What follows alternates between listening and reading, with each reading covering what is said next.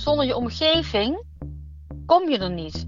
Want alleen als ouder red je het niet. De kinderen gaan naar school, de kinderen gaan naar een sportclubje toe, uh, ze leren vriendjes kennen, daar hebben, die hebben ook bij ouders. Die hebben allemaal een eigen manier en van iedereen kun je iets leren. Je hoeft het niet alleen te doen. Maar er moet wel een band zijn. It takes a village to raise a child is een oude Afrikaanse wijsheid. In deze podcastserie ga ik op zoek naar de waarde van die wijsheid voor kinderen die in Nederland in onveiligheid opgroeien.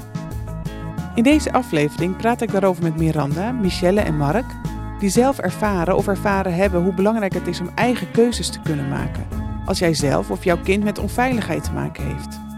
En ik ga op pad met Senel.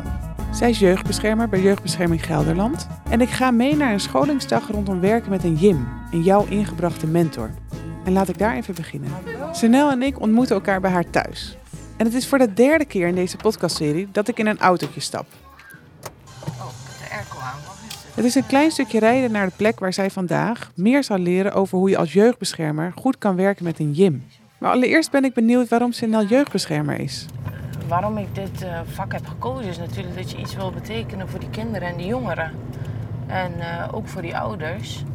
En wat ik waardevol vind of bijzonder is dat eh, er zoveel mensen bereid zijn om een uh, inkijk te geven in hun leven. Want we komen ons wel gewoon uh, ergens mee bemoeien. Omdat er een maatregel is, vaak bij jeugdbescherming. Nou, en om daar dan met elkaar te gaan kijken van... ehm, ja, wanneer zijn wij niet meer nodig? Wanneer kunnen wij weg? Dat is altijd wel, ehm, vind ik wel een uitdaging om met de gezinnen eh, naartoe te leven. Ja. En vandaag heeft ze dus een hele dag scholing rondom werken met een Jim. Dat is een heel gedachtegoed waar net een nieuw boek over is uitgekomen. Maar heel kort samengevat staat het voor jou ingebrachte mentor. Als kind of jongere kies je zelf iemand uit om jou te ondersteunen. Dat kan een familielid, vriend of vriendin, buur of kennis zijn. En deze Jim is je ambassadeur, vertrouwenspersoon. En steunt jou mede in gesprek met hulpverleners en instanties. En waar gaat het werken met een Jim dan voor SNL over? En Jim staat voor mij echt eh, als eh, laten we alsjeblieft de hulpverlening iets minder belangrijk maken. En juist het gezonde van een gezin eh, belangrijker maken en duurzamer. Gewoon duurzamer. En wat is duurzaam dan? Een Jim is er voor altijd in mijn ogen. Ik bedoel, als je een Jim hebt of iemand die dat voor jou wil doen, hè, en die heb je gevraagd en die is er gewoon, want het maakt onderdeel van jouw netwerk al. Dus die hoeven we helemaal niet. ehm, eh, wij komen en gaan. Dat is, dat is ons beroep. En ja, wij zullen nooit zo'n onderdeel uitmaken van een gezin als een Jim dat doet. En, en eh, hoe, hoe anders is het eh, werken met ja, Jim gedachtegoed, noem ik het even, dan, dan, hoe het, dan hoe het tot nu toe gaat? Of is het, is het echt nieuw? Of is het al, bestaat het al? Of... Ja, is het nieuw? Ik denk van niet. Als ik, mijn verhalen, als ik de verhalen hoor van mijn moeder en mijn oma, hoe dat er vroeger eraan toe ging, dat het helemaal niet zo gek, is om een kind samen op te voeden. Nee, dat deed je met je moeder, met een tante die te hulp schoot of met, eh, met iemand anders. En dat lijkt wel een beetje veranderd te zijn. Eh, dus ik denk dat het een heel mooi nieuw jasje is om de aandacht voor te vragen. En is het anders voor een andere manier van werken in de jeugdbescherming? Ja, dat denk ik wel.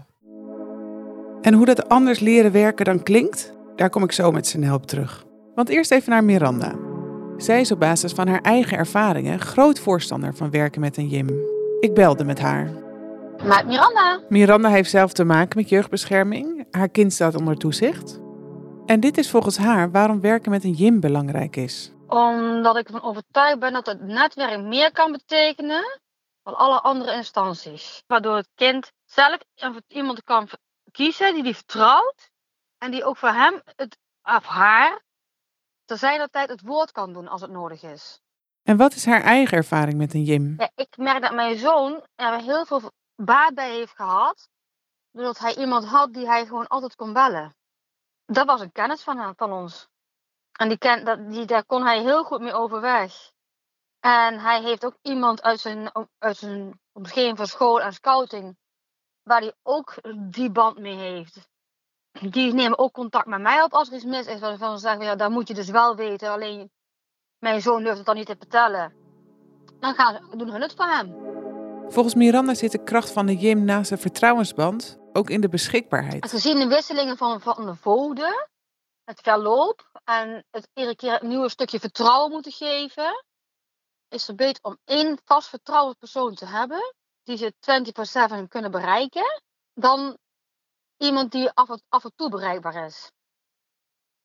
En dan stel dat er in het weekend iets gebeurt, dan kunnen ze wel naar een gym toe gaan of naar iemand uit hun omgeving, waar ze een vertrouwensband mee hebben, wat ze bij een volg niet kunnen. Of bij een hulpverlener. Het kan ook een peetom of een peetante zijn, of een buurman of een buurvrouw. Dus het is niet iets wat verplicht is en wat je, waar je speciaal een dure cursus voor moet volgen of zo. Maar het heeft gewoon te maken dat, dat er zijn voor iemand. Uiteindelijk, als een kind dat straks 18 is, wordt de jeugdbescherming losgelaten en dan staat het daar maar. En dan is juist, dan is juist de omgeving waar hij in is opgegroeid, hij of zij is opgegroeid, des te belangrijker om hem weer verder te, om hem weer verder te begeleiden. Want dan valt alle steun weg zodra ze 18 zijn. En dat dat is de harde realiteit.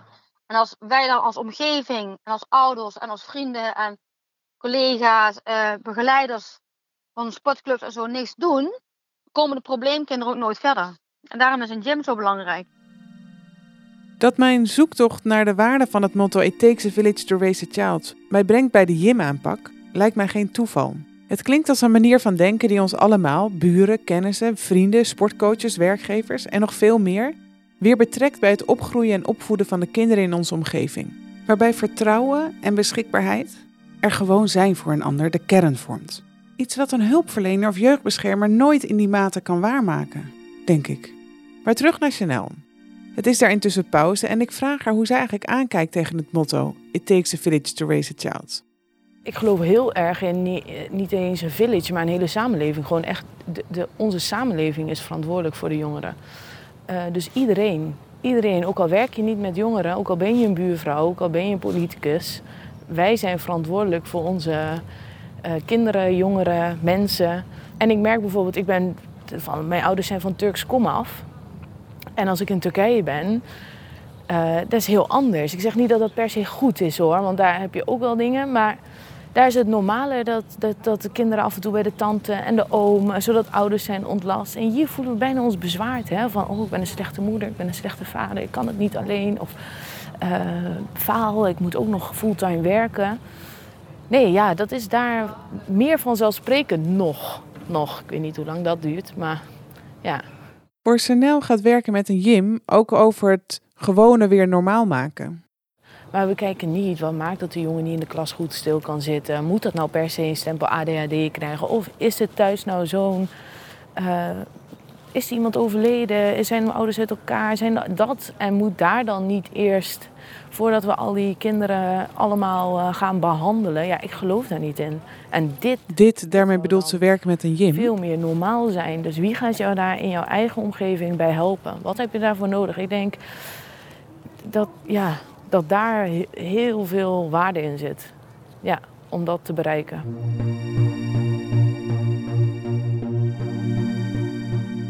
Mogen kiezen wie jou gaat helpen.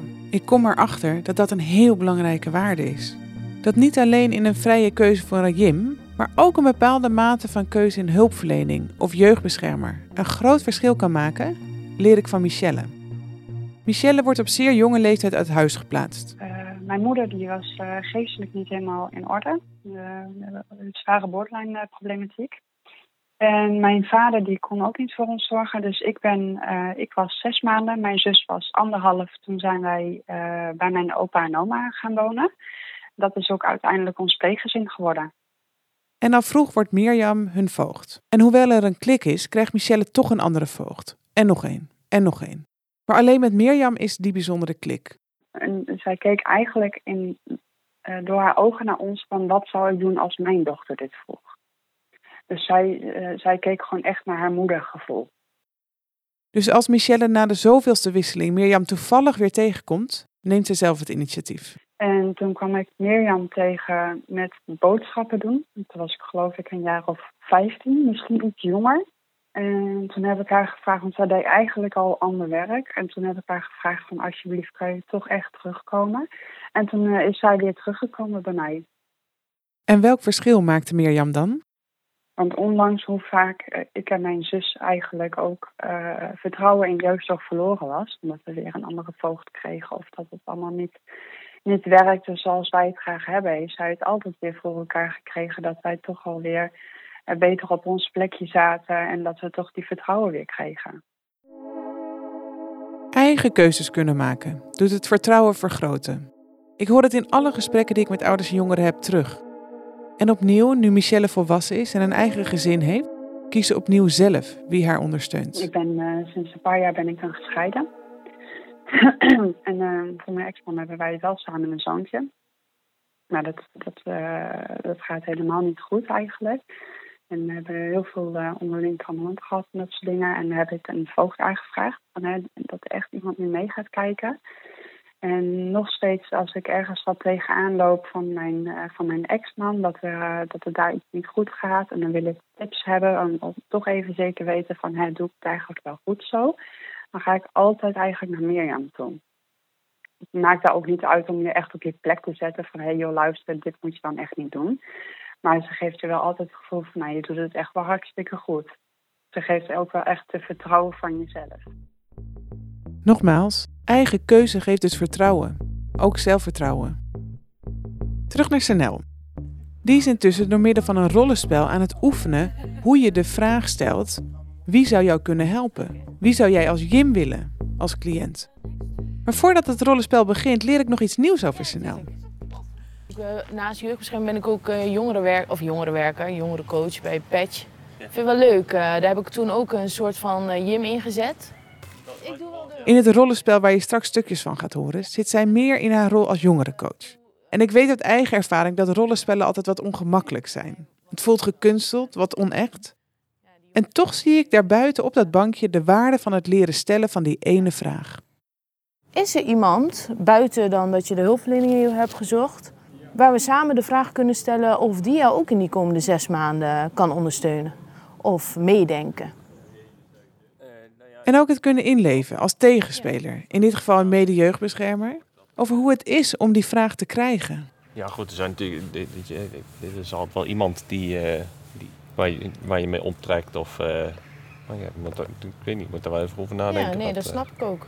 Dus, uh, even een paar fragmenten uit het rollenspel lijstje van 30 man. Ik was vooral nieuwsgierig van, goh, zijn, zijn die mensen er? Want ik vond het nogal wat je verhalen. Hè? Ik uh, kom net uit de kliniek. Ja. Maar in dat uh, half nou, jaar keek, ik, uh, ben je voor, voornamelijk vooral veel alleen. Ik kan jou best wel op weg helpen. Hè? En ik heb al veel jongeren te kampen. Heb, maar ik ben er niet 24-7. Daarom dacht ik ook, toen ik het die jij vertrouwt en 100% mm-hmm. jou al die tijd ook heeft gesteund ja. dat die eens aansluit. Dat is meer de achterliggende, achterliggende gedachte. Omdat ik anders ook wel een beetje bang ben dat um, je van mij... alleen mijn voorstel zou wel zijn van... Goh, uh, denk daar even over na. -hmm.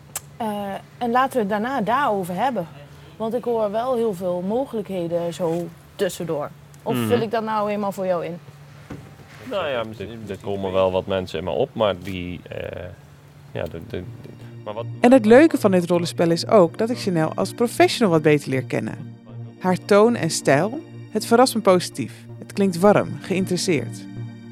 En zou daar nou een verschil in zitten als jongerenwerker of als jeugdbeschermer?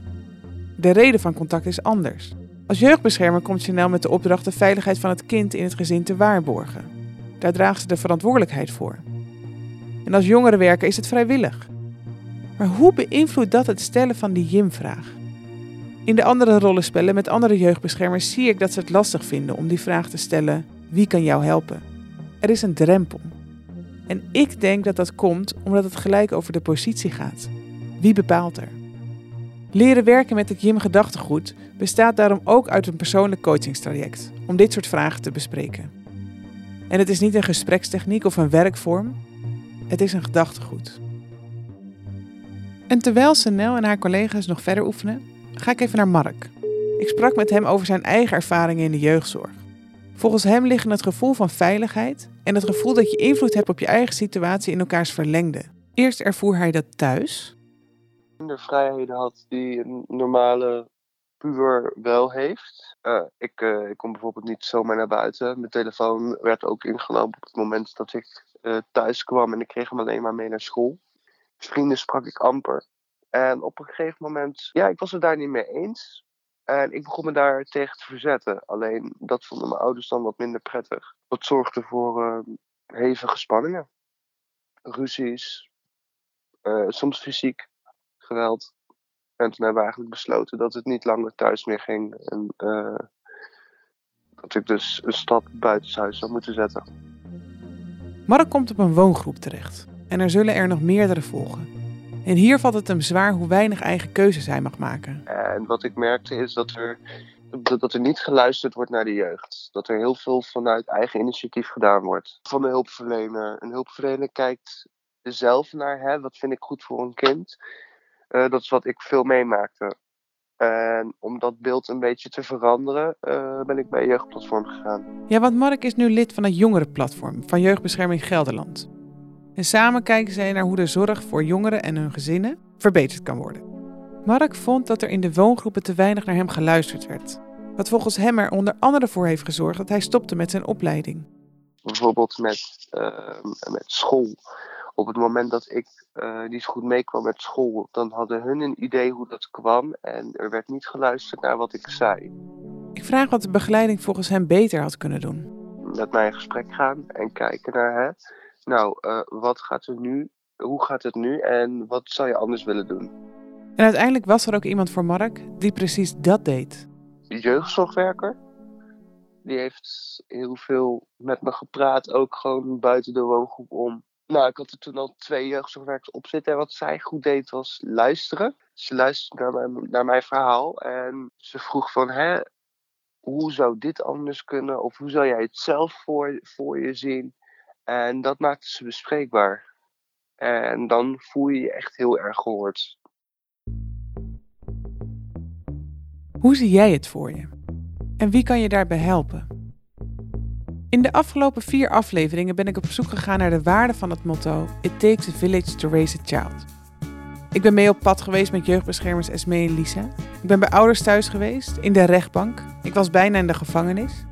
Ik ben bij Sade geweest, die zelf een voogd heeft. Ik sprak een hoogleraar, een vader en moeder, wiens kinderen zelf onder toezicht staan. En ik ging met Chanel mee op training rondom het werken met een gym. En daarbij sprak ik Claudia, Xavi, Michelle en Mark over hun eigen ervaringen. Toen het voor hen als kind onveilig was. Als ik iets heb geleerd, dan is het dat we aan alle gezinnen, maar in het bijzonder kinderen en ouders waar het thuis niet veilig is, vaker kunnen vragen hoe ze het eigenlijk ervaren. Wat ze graag anders willen. Wie ze kan helpen als ze het moeilijk hebben hoe het veiliger kan worden. En daarbij altijd streven naar zoveel mogelijk autonomie, zoveel mogelijk eigen keuzes mogen maken, vanuit de kunst van het echt luisteren en laten praten. Maar ik heb ook geleerd dat het loont als iedereen daar vaardig in is. De jeugdbeschermer en jeugdzorgprofessional, maar ook de buurman en buurvrouw, de sportcoach, de beleidsambtenaar, de leerkracht, leidinggevende, bakker, bestuurder. Kortom, dat we deze beweging richting een steunend netwerk voor iedereen samen moeten maken. En het is iets waar ik zelf, al weet ik nog niet precies hoe, de komende tijd bewust mee bezig ga. Er komt nog een bonusaflevering waar ik met een aantal mensen terugblik op deze serie. Abonneer je in de podcast-app of deze podcast, dan zie je vanzelf wanneer die aflevering online komt. En dan nog even dit. Voor mij gaat deze podcastserie ook over de kracht van verhalen. Ik was iedere keer opnieuw verrast en geraakt over de eerlijke, oprechte en persoonlijke verhalen die de jeugdbeschermers, ouders en jongeren mij toevertrouwden. Mijn dank daarvoor is groot. En het leerde me ook, als er oprechte interesse is, wil iedereen zijn of haar verhaal vertellen. De kracht van verhaal is universeel. Laten we allemaal wat vaker vragen naar elkaars verhaal. Ik ben Merel Stijnweg en ik maakte deze podcastserie in opdracht van Jeugdbescherming Gelderland. En Bram Kniest maakte de mooie muziek en deed de mixage. Bedankt voor het luisteren.